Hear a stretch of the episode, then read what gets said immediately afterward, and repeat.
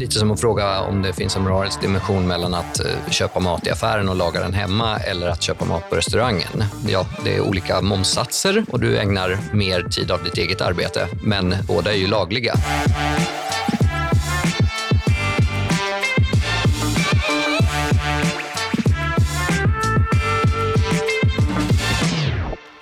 Du lyssnar på Ekonomerna med mig, John Norell och med mig idag har jag Lovisa Lanryd, projektledare här på Timbro. Hej. Och eh, Patrik Krasén, skatteexpert på Föreningen Företagarna. Hej.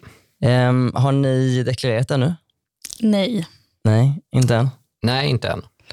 Uh, får ni tillbaka någon skatteåterbäring eller får ni restskatt? Jag får tillbaka pengar, uh, men är inte så glad för det. Till skillnad Nej. från många andra som uh, blir väldigt glada av att de får tillbaka pengar. Ja. Jag tror jag ligger ungefär jämnt upp om jag minns rätt. Ja, jag tror att jag ska betala tillbaka 600 kronor. Och sånt där.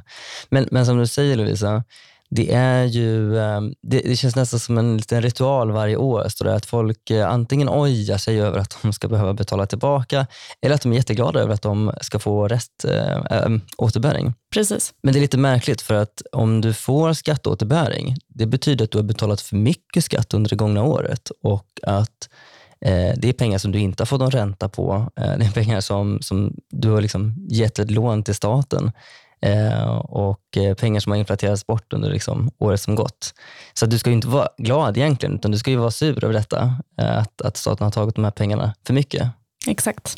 Nu är det ju i och för sig eh, sen eh, något år tillbaka så får man ju ränta på sitt så kallade skattekonto. Det är på 1,7 procent tror jag det är i år. Så att, eh, lite grann får man i alla fall om mm. man har ett överskott liggande på skattekontot. Men det är inte alltid att ens skatteinbetalningar går via skattekontot. Det är mm. det man gör själv. Det är ju pengar i alla fall som man hade kunnat ha på få avkastning på typ, ja, om man hade lagt dem på aktier eller någonting helt annat.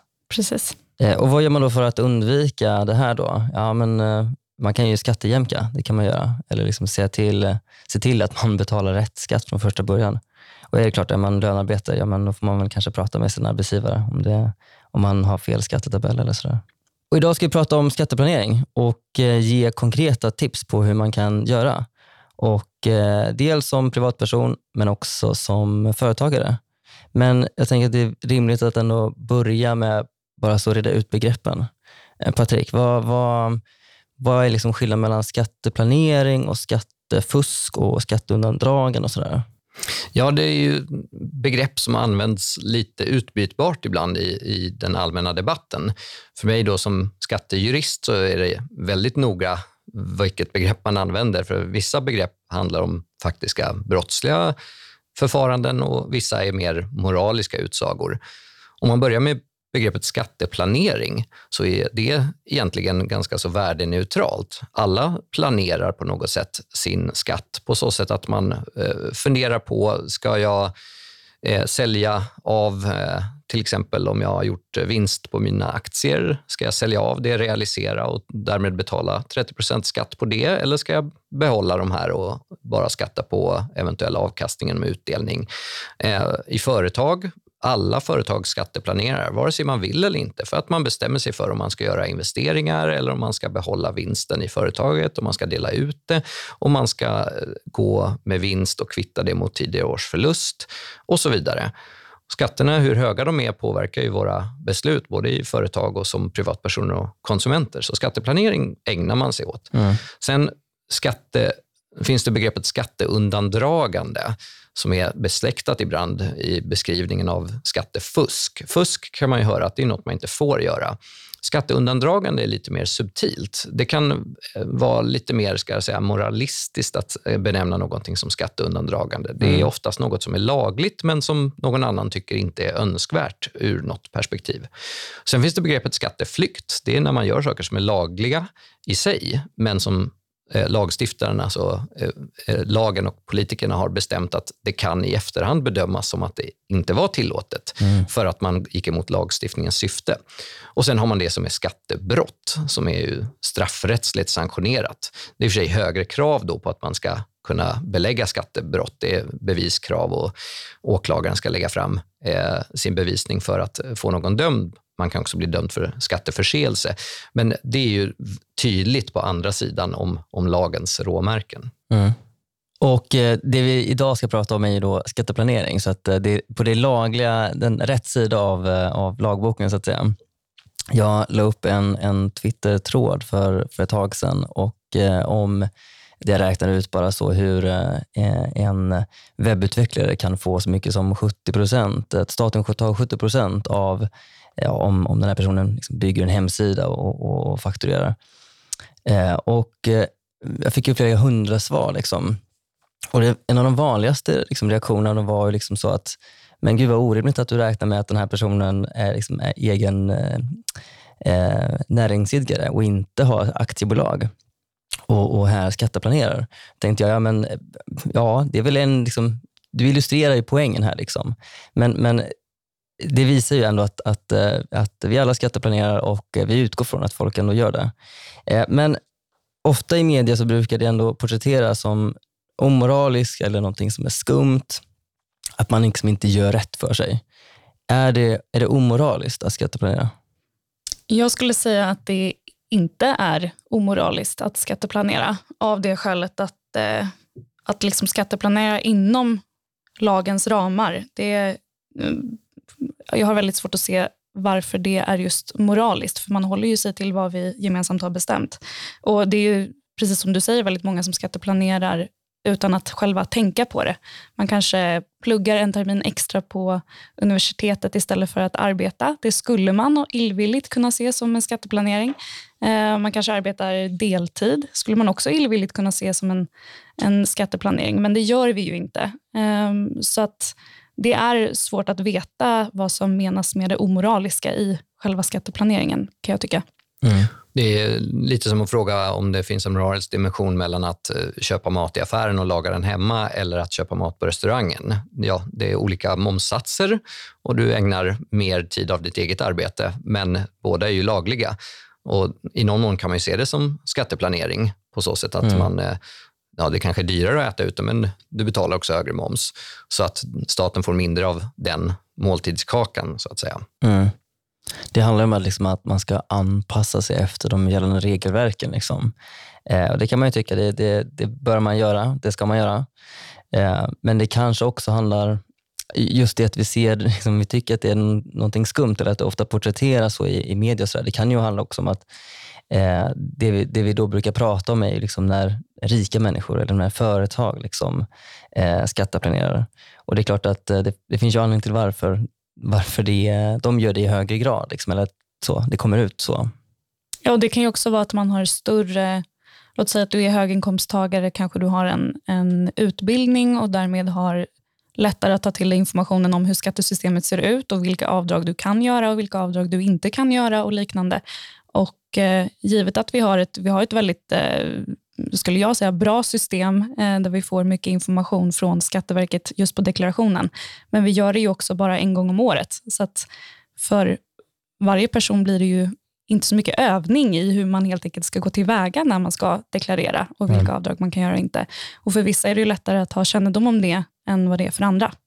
Skatteverket eh, har ju en del rena avdragstips också på sin hemsida. Det finns ett avdragslexikon, även om det kanske mer riktar sig till eh, de som driver företag än till privatpersoner. Eh, men för privatpersoner som till exempel arbetspendlar eller har hyrt ut sin egendom eller så, så finns det ju vissa avdrag som Skatteverket är helt öppna mm. med och, och, ger instruktioner om hur man ska yrka dem på bästa sätt. Men man måste yrka dem också för att få dem. Det är inte så att avdragen... Vissa avdrag eh, skrivs in i deklarationen innan, om det till exempel handlar om RUT-ROT skattereduktioner, för det rapporteras in av den som har utfört det, eh, och vissa andra. Men andra måste du leta upp själv och yrka mm. för att få del av.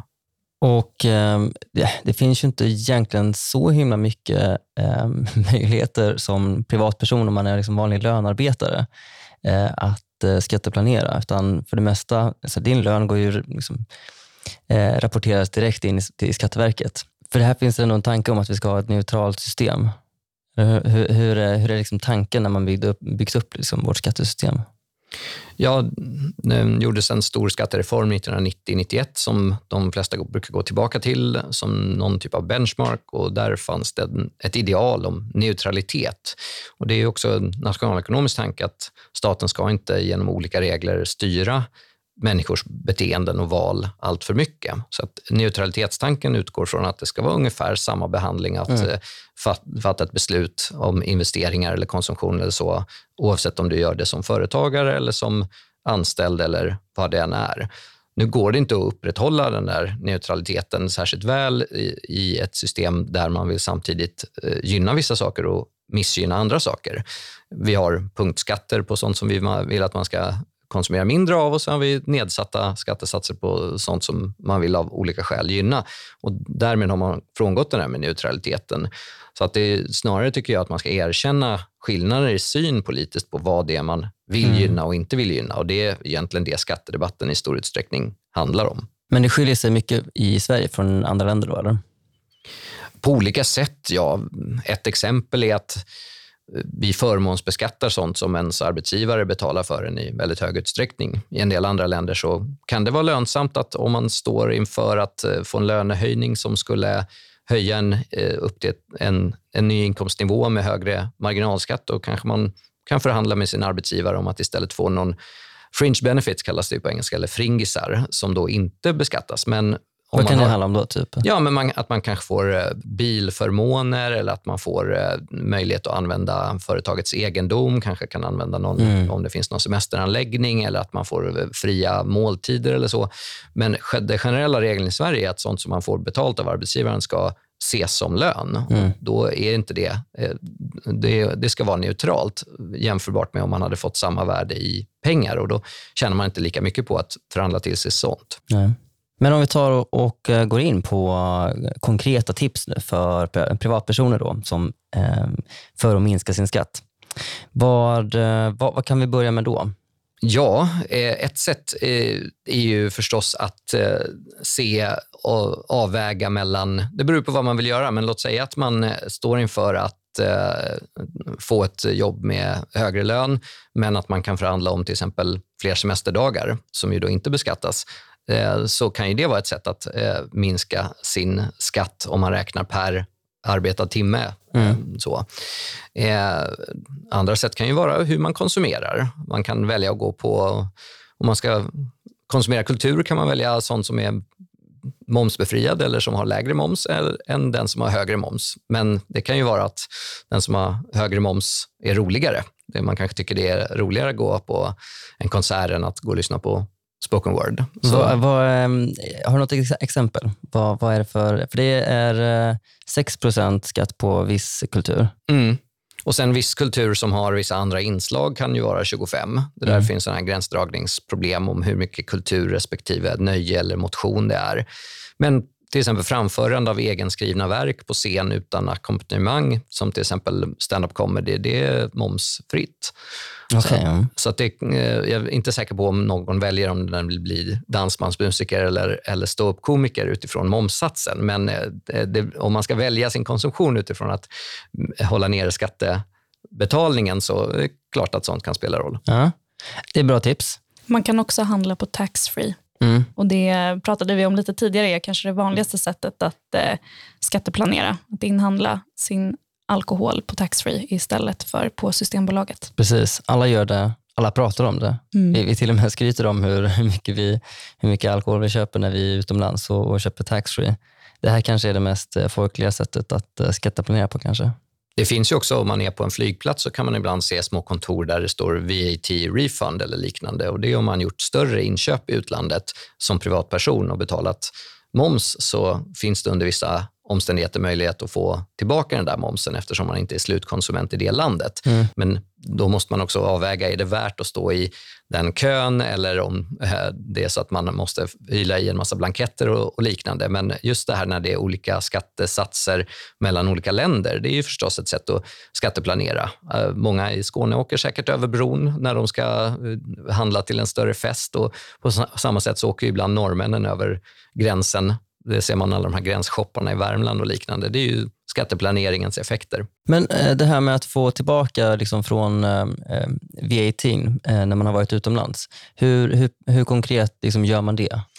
Ja, det är att man har kvitton på vad man har köpt och fyller i blanketter om att man ska, för eftersom det då är en försäljning till någon som inte är egentligen momsskyldig i det landet. Mm. Nu håller ju det där på att luckras upp rätt mycket med moms eller luckras upp egentligen fel. Man håller på att göra det mer enhetligt, i alla fall inom EU, genom gemensamma momshanteringsmetoder. Och eh, momsen är ju harmoniserad i stor utsträckning i Eh, i EU. Men om man har varit någonstans utanför EU och handlat något dyrare. Så Vad skulle det kunna vara? typ? Ja, men Dyrare elektronik kanske eller eh, ja, an, något annat som har, där man betalar tillräckligt mycket i moms mm. för att det ska vara värt det. Sen kan olika länder ha lite olika regler kring hur det är med det där med refund.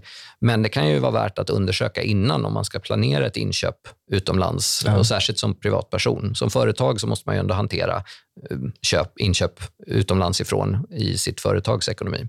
Mm. Mm.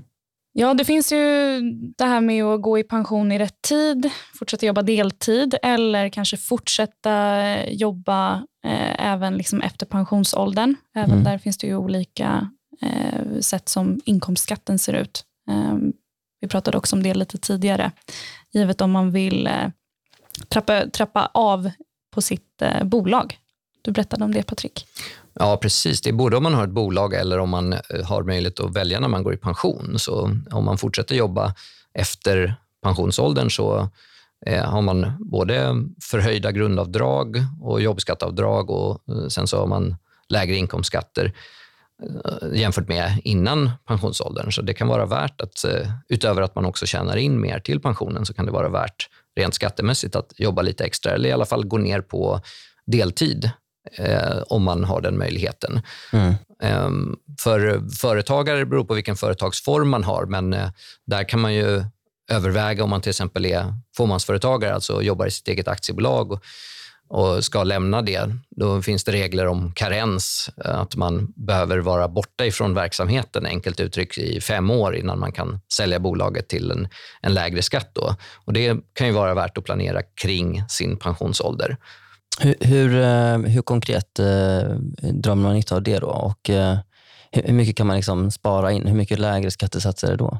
Ja, det blir lite tekniskt. Vi ger oss in i de beryktade 3.12-reglerna här. Men mm. om man ska säga så här, om du jobbar i ditt företag och äger aktier i det, då är de aktierna som man kallar det kvalificerade. Sen kan det ju vara så att någon har aktier i ett onoterat företag men inte är verksam i det och då kallas det att man har eh, okvalificerade aktier. Och för att man ska gå från att ha kvalificerade aktier och därmed beskattas enligt 3.12-reglerna mm. till att vara utanför 3.12-systemet och ha okvalificerade aktier och då ha en kapitalinkomstskatt på 25 procent, så behöver man eh, ha en femårig karensperiod där man då inte är verksam i företaget och inte i företag som bedriver samma eller likartad verksamhet. Och det här är ganska viktigt vid generationsskiften, att man planerar det, men mm. det kan mm. också vara just för den enskilda företagaren vid när man ska planera när man ska gå i pension. Och, och just att man ser till att man inte bryter den här karensen. Då, för då måste man, om man börjar bli aktiv igen, då måste man ha en ny sån här femårs eller till och med sexårsperiod för det kalenderår man räknar. Så det, just för fåmansföretagare så är det väldigt mycket som är skatteplanering för att optimera ekonomin både för sig själv och i företaget. Mm. Men jag tänkte på ett annat exempel som många inte tänker på är att man kan ju hyra ut som privatperson eh, privat egendom. Mm. Och eh, Då får man intäkter som man eh, Eh, ska deklarera. Eh, men om man till exempel hyr ut sin eh, lägenhet eller en privatbostad så finns det ett grundavdrag på 40 000 kronor om året. Och så kan man också få vissa avdrag för om man behöver göra vissa förbättringar som har med uthyrningen att göra. Så att det, det är ju sådär för att underlätta, det har man ju inrättat lite grann för att underlätta korttidsuthyrningar, att man inte ska behöva deklarera allt och att det ska bli både litet ekonomiskt incitament men också lättare att administrativt kunna hyra ut. Mm, så, så hyra ut sin bostad i andra hand liksom, ifall man Ja, om du till exempel är borta och hyr ut några veckor till någon som är på semester i Sverige eller, eh, eller som bara är, vill se någon annan del av, av landet. spelar ingen roll om det är en, eh, någon från som är svensk eller inte som du hyr ut till, utan det är hyresinkomster som du ska skatta i inkomstslaget kapital, men det finns ett avdrag då på, eller en slags grundplåt på mm. 40 000 där som är skattefria. Och Är det bara bostaden eller kan man eh, liksom hyra ut även andra grejer? Då, eller? Du kan hyra ut även annat, bilar, båtar, prylar och så. Då, då är det inte lika generösa grundavdrag, men du kan fortfarande, kostnaden för din uthyrning kan du fortfarande dra av från intäkten. Och Det kan ju fortfarande vara värt att hyra ut det eh, om det är egendom som du inte skulle använda, för du tjänar ju fortfarande pengar på det, även om mm. du betalar lite skatt på det. Då är det snarare kanske en planering av hur man använder sin egendom, snarare än eh, skatteplanering per se. Men det är ändå, så att säga, eh, att betala 30 procent på en inkomst på 10 000 är fortfarande, du har mer netto än att ha eh, ingen inkomst alls på den oanvända egendomen. Mm, mm. Det finns också ett eh, annat tips nu när räntan har stuckit iväg. Eh, det är också att se över om man till exempel delar bolån med någon. Att se över exakt hur man har fördelat det för att kunna göra maximalt ränteavdrag. Eh, och Det är inte alla som, som tänker på det heller Nu när det är dags att deklarera. Och hur, hur, hur ska man dra nytta av detta? Eh, det finns en gräns som eh, är på, minns jag inte exakt, 100 000, 70 000. Som, ja, ungefär på dit man kan få göra avdrag. Och Fördelar man till exempel ett bolån 30-70 procent om någon tjänar mer eller inte så kan man inte nyttja det maximala mm. avdraget. Eh, så det är många som ser över det just nu när räntan har dragit iväg. Mm. Samma gäller ju RUT och ROT där det finns tak på hur mycket man kan få eh, RUT och ROT eh, per år. Och om man är två stycken i ett hushåll och den ena har slagit i taket för det så kan det vara bra om man ska göra något ytterligare som man har skattereduktion för att det är den andra då som inte har slagit i taket som, eh, som betalar själva, för själva köpet av mm. den tjänsten. Hushållsnära tjänster, ja. Eh, och, ja. Och att utnyttja ROT och RUT överhuvudtaget är väl en så eh, smidig sak att göra. Och numera är ju det automatiserat. Det är, man behöver inte yrka det själv, utan det är ju, som regel så är det ju den som utför tjänsten som också yrkar själva reduktionen och rapporterar in det till mm. Skatteverket. Så att det har ju blivit eh, väldigt eh, smidigt och eh, efterfrågan på de tjänsterna de fortsätter att öka för varje år trots att inte antalet företag ökar i det. Mm. Jag tittade på sån statistik häromdagen och såg att antalet företag ligger ganska så konstant över tid, men eh, efterfrågan på tjänster i volym eh, har fortsatt att öka och öka för varje år. Så att det är uppenbarligen eh, det var en bra reform, särskilt RUT-reformen kan man säga. Mm. Sen kan man ju ur skattepolitiskt och skattesystemsperspektiv tycka att det är lite underligt med att man har såna här reduktioner och, och skatteincitament eh, för sådana företag. Men det var ju ett sätt att få ner det man talade om mycket för 15-20 år sedan, skattekilar. Alltså att med höga marginalskatter så måste du tjäna väldigt mycket pengar för att kunna köpa en tjänst och då blir det färre sådana tjänster som egentligen skulle förbättra ekonomin som köptes och då vill man underlätta det genom ROT och RUT-avdrag. Mm. Och det var väl också att det var en relativt stor svart marknad som efter ROT och RUT blev vit särskilt RUT eh, har man väl kommit fram till och, och även ett steg in för många. Man skapade en marknad där det som tidigare var tjänster som utfördes antingen av soloföretagare eller helt svart blev plötsligt associerat med företag som investerade i sina varumärken och investerade i att ha god kontroll på de som utförde och god, goda kundrelationer. Så att man kan ju genom vissa sådana här skatteinstrument skapa nya marknader om man gör det på rätt sätt. Mm. Ehm, en grej som jag funderar på när man är student, så, där, så jag har hört att, man, att eh, våra studentnationer att de har, eh, att de har en, en speciallagstiftning som gör att, de, att, det är lägre, eh, att det är lägre skatt. Eh, Patrik, känner du till detta? Jag minns det här lite grann från min studenttid, att de hade särskilda momsregler och jag vill minnas att de hade också vissa regler kring arbetskraft och sådär. Om det var medlemmar i nationen kunde arbeta eh, mer eller mindre gratis eller för eh, låg peng. Eh, så att det, om man bodde i Lund och Uppsala så mm. fanns det säkert ett visst incitament att eh, gå och äta sin middag och dricka sin öl på nation framför att gå och göra det på restaurang. Ehm, jag tror också de var undantagna från fastighetsskatt då för sina i många fall ganska fina kåkar. Ja. Så att det, det är klart, om man letar upp såna här, eh, kan man säga, eh, vissa verksamheter som har av, eh, av staten pekats ut av helt andra skäl. Här var det ju snarast någon slags kulturhistoriska skäl eller eh, traditionella skäl som gör att man ville ha kvar nationerna och gav dem de här undantagen. Det kan man ju försöka leta upp och se om det finns på några, på några andra håll i ekonomin. Ja, ja. Och Det är ju många som fortfarande bor kvar till exempel i studentstäderna men som inte längre är studenter som ändå eh, köper till sig ett litet nationskort eh, för att kunna gå på nation och köpa billigare öl och billigare mat. Mm. Ja, men man kan ju också flytta mer sällan. Det är ju kanske en... eh, För oss tycker vi att vi borde ha mer rörlighet på bostadsmarknaden. Den hade mått bra av det. Men det finns ju också ett sätt att undvika skatt genom att inte flytta så ofta. Speciellt om man äger sitt boende. Mm. Eh, Så är det ju reavinstskatt som eh, ska betalas när du säljer. Men även stämpelskatt som ska betalas när du köper en fastighet. Eh, Och på så sätt kan man ju se det som att om jag köper ett hus och betalar 1,5 procent i stämpelskatt plus 2 procent på det som jag har belånat för att köpa huset, Mm. eh, så blir det en kostnad per år som är relativt hög om jag flyttar ofta.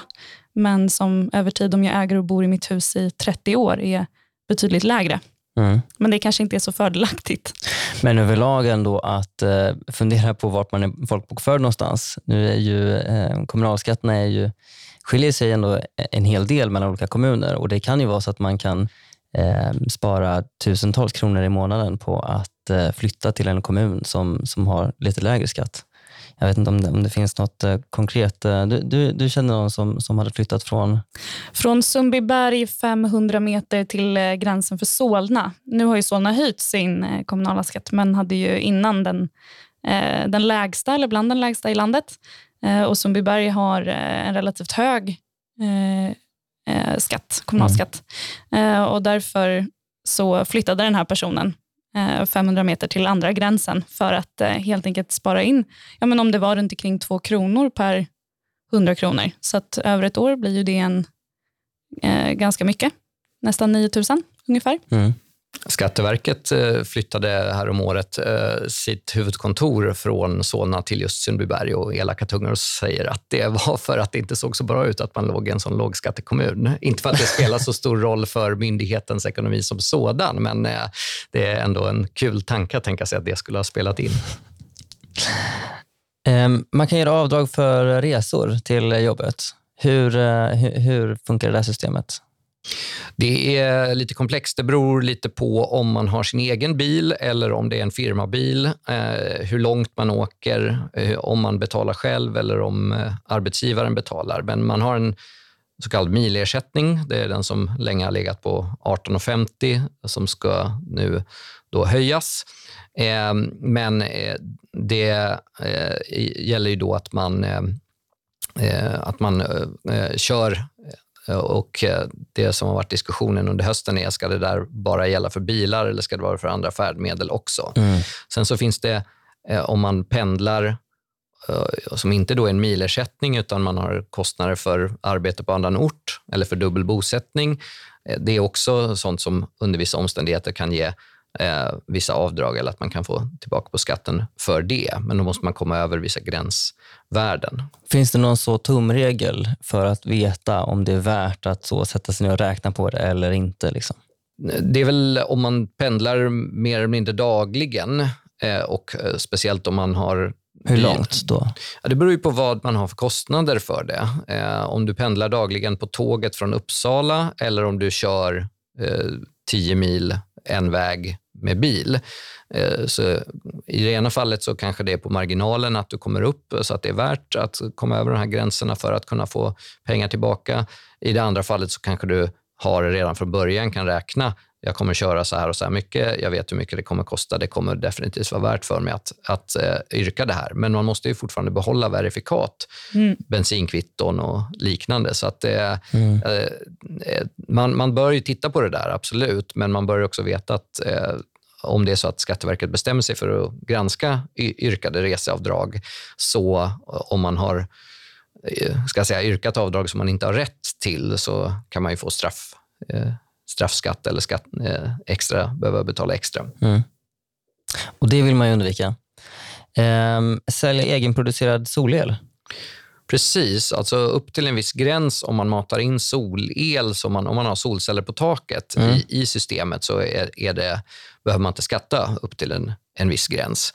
Och eh, Det där kan ju vara bra om man, inte bara för att försörja sin egen eh, fastighet med el, utan även om man då har ett överskott, att få in grön el som ju är gynnat på väldigt många andra sätt, både eh, genom direkta subventioner men också genom vissa skatteundantag på andra områden. Men för privatpersoner så kan det vara värt att titta på om man kan mata in eh, el från sina solceller i, i Mm. elsystemet. Smidigt. Okej, nu får vi gå vidare eh, till om man har enskild firma. Eh, vad, vad kan det finnas här för några sätt som man kan eh, minska sin skatt på? Eh, enskild firma ska man ju säga från, så, som inledningsvis här, att det skiljer sig från aktiebolag i det att eh, ekonomin i firman är inte skild från din egen ekonomi. Företaget kan fortfarande heta någonting annat, men eh, organisationsnumret är ditt personnummer och du deklarerar för din enskilda näringsverksamhet i samband med din egen deklaration. Och Det gör att det finns inte lika mycket planeringsmöjligheter i enskilda näringsverksamheter som det gör i aktiebolag för den som driver företag. Då. Mm. Men det finns ändå några sätt som man kan, man kan dra nytta av detta. Ja, eh, ett sätt är ju förstås att om man har ett överskott så kan man sätta av en del till periodiseringsfonder, eller expansionsfonder finns också, men att man helt enkelt eh, sätter av en del och därmed minskar sitt överskott som eh, skatten beräknas på. Sen så ska man återföra, som det kallas, de här periodiseringsfonderna till beskattning senast sex år efter att man satt av dem. Eh, man kan ju återföra dem tidigare om man vill, men det här är ett sätt för företag att eh, utjämna mellan goda år och dåliga år. Och det, är, det är en fullt legitim skatteplanering som alla företag ägnar sig åt, helt enkelt för att kunna använda underskott från ett år och kvitta det mot överskott ett annat år. Och det gör man både från, från, möjligheten finns från den minsta enskilda firman upp till stora multinationella koncerner att göra sån här vinstutjämning. För som eh, privatperson så kan man, liksom, eh, när, när du går plus ett år så får du betala skatt, men om du skulle gå minus eller man ska säga, så får du inte tillbaka någonting från, från skatten. Men, men har man liksom en näringsverksamhet då, så kan man ändå... I viss mån kan man säga, låt säga att du går jättemycket förlust som privatperson då, eh, på ett eller annat sätt. Eh, låt säga att du eh, säljer eh, någonting som du har köpt väldigt dyrt, eh, en kapitaltillgång med eh, jättestor förlust. Eh, I den mån du kan kvitta den förlusten i inkomstslaget kapital mot ett överskott. Om du jag vet inte, har en fond som har gått jättebra under många år, då kanske du väljer att sälja av den för då kvittas vinsten på den fonden mot förlusten på den andra kapitaltillgången. Då, och då, därmed så minskar du skatten. Men det kräver ju då att du aktivt gör det där själv. Det finns ingen möjlighet att periodisera så som företag kan sitt överskott eller underskott mellan år. Mm, mm. Vad mer kan man göra som eh, enskild näringsidkare? Ja, man kan ju dra av för eh, arbetskläder. Man kan ju ta vissa relevanta kostnader på, i firman. Ehm, Sånt som är kopplade liksom till sitt företagande. precis, Mm. exakt. Och Det där är ju också, kan jag tänka mig, en eh, gränsdragning för vad som är arbetskläder och vad som inte är arbetskläder i en eh, Mm. enskild firma. Mm. Ehm, Så är det. Det måste vara verkligen att man inte kan använda det privat. Det finns sådana här lustiga exempel om eh, varför dansband hade så fula kläder. Så där. Ja, det var för att man verkligen skulle klargöra att de inte kunde använda dem privat. Eh, så det Ah. går inte att yrka att man går, går och köper sig en dyr kostym eh, och säger att eh, ja, på, här på eh, banken där jag jobbar så eh, klär vi oss alla så här, för att Mm. det kan du använda privat också. Och när det gäller just saker man köper in till firman så finns det också regler att om man använder någonting som är firmans egendom så eh, kan man uttagsbeskattas för det som det kallas. Och det är i princip oavsett vad det är för egendom, oavsett om det är en dator eller om det är en, eh, ett hus eller vad det må vara, så uttagsbeskattas man för sin användning av det.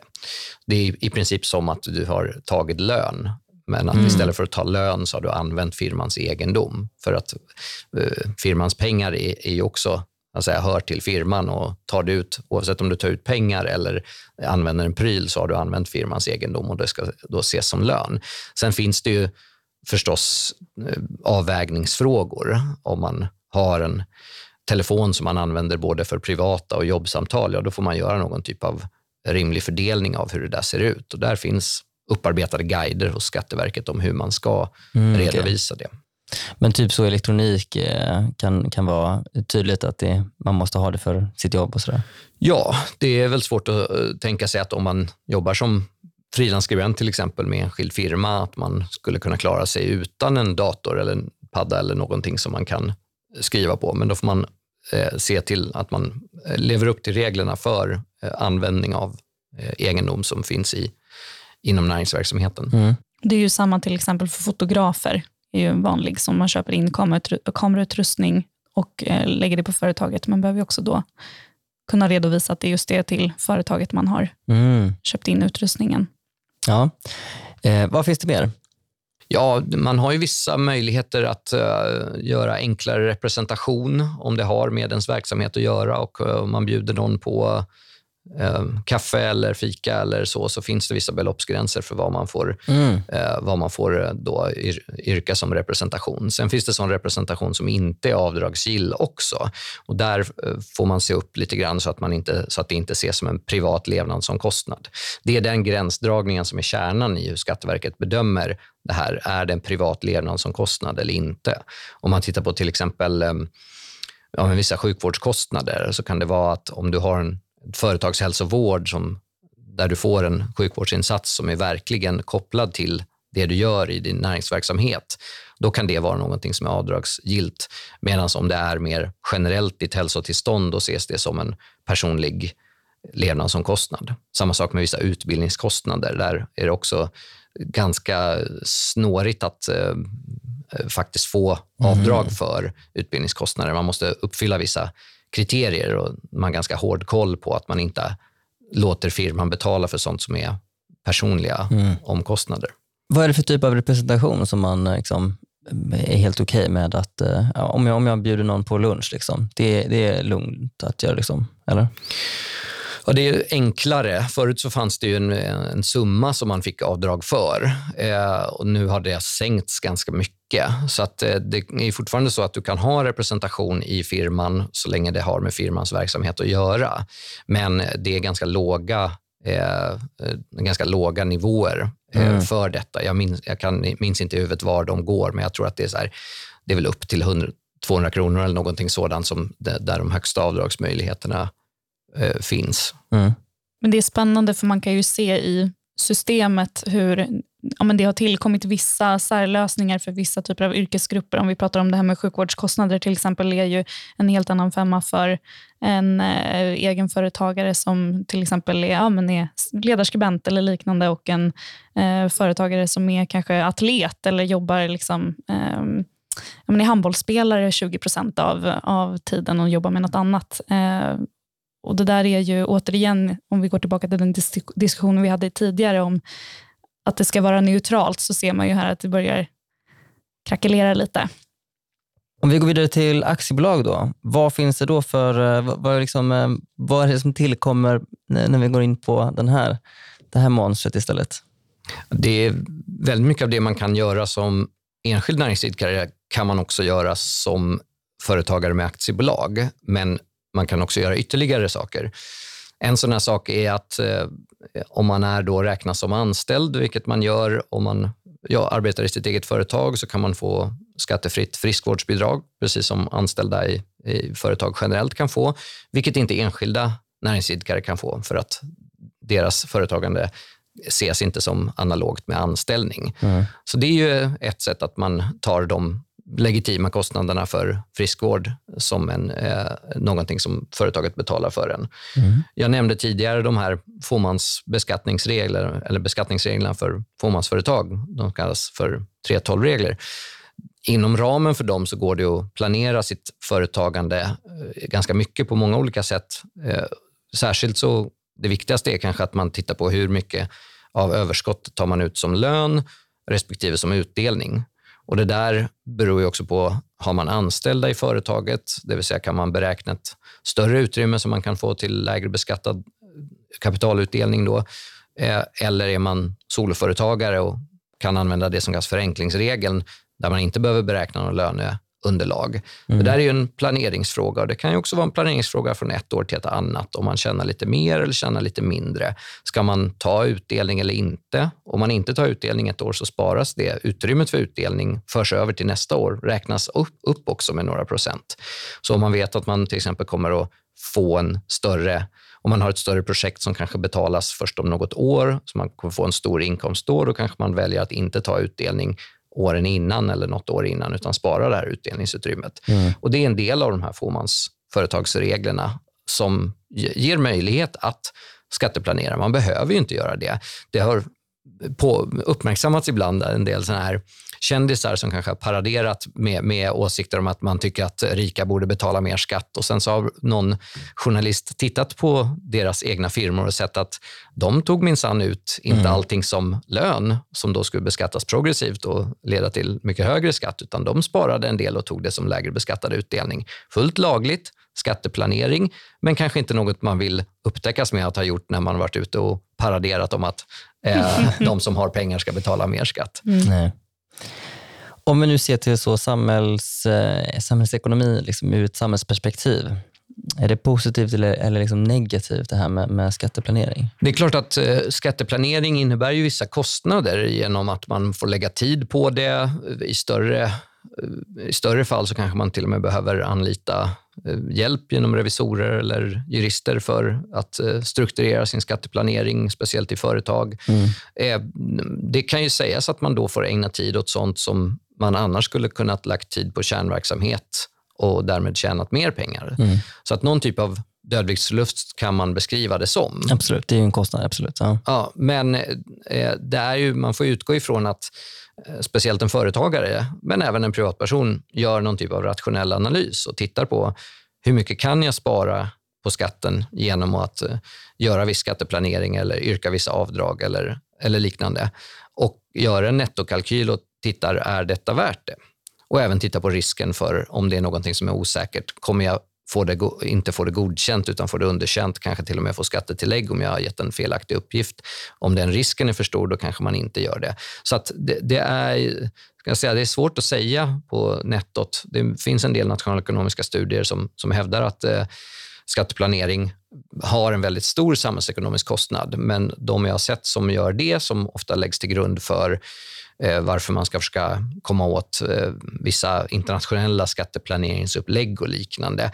De tittar snarast oftare på eh, hur mycket skatt hade betalats in om man inte hade gjort den här skatteplaneringen som minskar skatten. Mm. Men då finns det ett kontrafaktiskt case där man frågar sig, hade det arbetet utförts eller den värdeskapande mm. aktiviteten? Mm. Och om den inte hade gjort det, då hade det inte varit någon skatteintäkt ändå. Så det beror på hur man ser vad som hade hänt annars. Ja, och den själva, om jag då gör liksom de här avdragen och minskar min skatt. Eh, visst, det är ju på något sätt att, att staten får mindre intäkter, men samtidigt det är pengar som, som jag istället får behålla. Så det är ju inte en kostnad för samhället. Det är bara liksom en, en eh, transferering eller ja, en avsaknad av en sådan. Eh, som du säger, det som är kanske kostnaden är ju då att vi lägger ner tid och energi på att undvika skatt. Eh, att vi, ja, men, höga skatter leder till att jobba mindre. Eh, man kanske inte liksom, är högre sannolikhet att man flyttar utomlands eller så vidare. Ja, och det, finns ju, det är alltid spännande när man pratar just om vad som är samhällsekonomiskt effektivt. Eh, det finns ju vissa, speciellt från vänstern, som till exempel kritiserar jobbskatteavdraget som att eh, det var ju en massa skatt vi hade kunnat lägga i i välfärden istället eller betalat eh, eh, ja, men, eh, eh sjukhus eller eh, mm. sjuksköterskor eller kunnat anställa fler för. Samtidigt så vet vi även att jobbskatteavdraget har skapat nya jobb och till exempel ROT och RUT-avdraget som vi pratade om tidigare också har skapat nya marknader och därmed också nya skatteintäkter. Precis. Så det är svårt att och det är tjänster som inte hade funnits annars Exakt. och arbeten som, som inte hade utförts. Och eh, hade, hade det inte utförts, det hade varit en, en väldigt stor reell kostnad för samhället. En förlust för samhället. Precis. Man kan ju säga att ett argument för att ha så enkla och neutrala skatter då, som vi började med att diskutera, är just att det minskar incitamenten att ägna sig åt skatteplanering och därmed det här arbetet som inte egentligen är inkomstbringande utan som handlar om att hålla nere skattekostnader. Jag tycker att det är ett ganska gott skäl, men mot det hävdas ofta fördelningspolitiska ambitioner eller någon annan typ av ambition att man vill gynna eller straffa vissa beteenden genom högre eller sänkta, högre, högre eller lägre skatter. Så att eh, i den mån man kan minska incitamenten för skatteplanering genom lägre skatter och enkla skatter så är det bra. Mm. Men eh, om man vill ha ett eh, skattesystem som ger vissa drivkrafter genom att eh, beskatta saker olika, då får man också godta att det leder till att individer och företag försöker planera sin skatt för att hålla nere den kostnaden så mycket som möjligt. För att man får inte glömma att skatt är ju en kostnad. För många hushåll är det den största kostnaden. För många mm. företag så kan en Eh, en skattenackdel, till exempel genom ett, eh, en felaktig bedömning av eh, någon transaktion eller för den delen en, att man har sämre villkor än konkurrenter. Det kan vara det som är avgörande för om man kommer att överleva i konkurrensen eller inte. Så att det är fullt rationellt att vilja hålla nere sin skatt. Och omvänt, om man älskar att betala skatt så finns det jättegoda möjligheter att skatteplanera omvänt och köpa så dyrt som möjligt och inte ta utdelning ur sitt fåmansföretag och inte handla på taxfree och så. Mm. Exakt. Är det någonting avslutningsvis som ni skulle vilja tillägga? Ja, men och det är väl eh, det jag började med att säga, att eh, jag inte var så glad över att jag fick tillbaka eh, på skatten. Och Det tycker jag är, när jag gjorde en liten research bland mina vänner i helgen, så eh, var det väldigt många som sa att yes, nu är semesterkassan kirrad här. Eh, och Då ska man ju likväl komma ihåg att det är just det pengar som har eh, legat och som du inte har kunnat eh, använda eller kunnat spara för eller som har kunnat få förränta sig på ett eh, kanske bättre sätt än, än att eh, staten har haft hand om dem i ett år. Eh, så kom ihåg det. Ja. Jag skulle vilja säga att för väldigt många som är anställda och löntagare så är deklarationen bara ett knapptryck. Det är en formalitet, det är något man vill bli av med. Och Det är ju för att man inte har så väldigt mycket möjligheter att påverka. Väldigt mycket av uppgifterna är förtryckta. Man kanske kan hävda något avdrag här och där, men då måste man hålla koll på papperna. Det finns möjlighet att kunna ha större makt över sin ekonomi och det är genom eget företagande. Då får man fler möjligheter att välja och prioritera mellan olika typer av utgifter i verksamheten. Man kan bestämma mer över sin inkomst. Eh, sen kommer det förstås också med en viss kostnad. Eh, det är inte hur enkelt som helst eller gratis att driva företag, men det har blivit mycket enklare de senaste åren med minskade krav på aktiekapital och vissa minskade regelkrav med mera. Så att jag skulle säga att för den som tycker att skatteplanering som sådant är lite spännande, då ska man kanske kika på att eh, starta eget och mm. se om man eh, kanske skulle kunna faktiskt eh, bli duktig på det även på det området. Mm. Tack så mycket Lovisa och Patrik för att ni kunde vara med i podden här idag. Stort tack. tack. Om du som lyssnar har idéer på hur man kan göra för att skatteplanera som vi inte har tagit upp här, hör gärna av er. På Twitter och Instagram heter vi Ekonomerna podd. Ekonomerna det är en podd från Tankesmedjan Timbro och kommer ut på torsdagar. Tack för att du har lyssnat.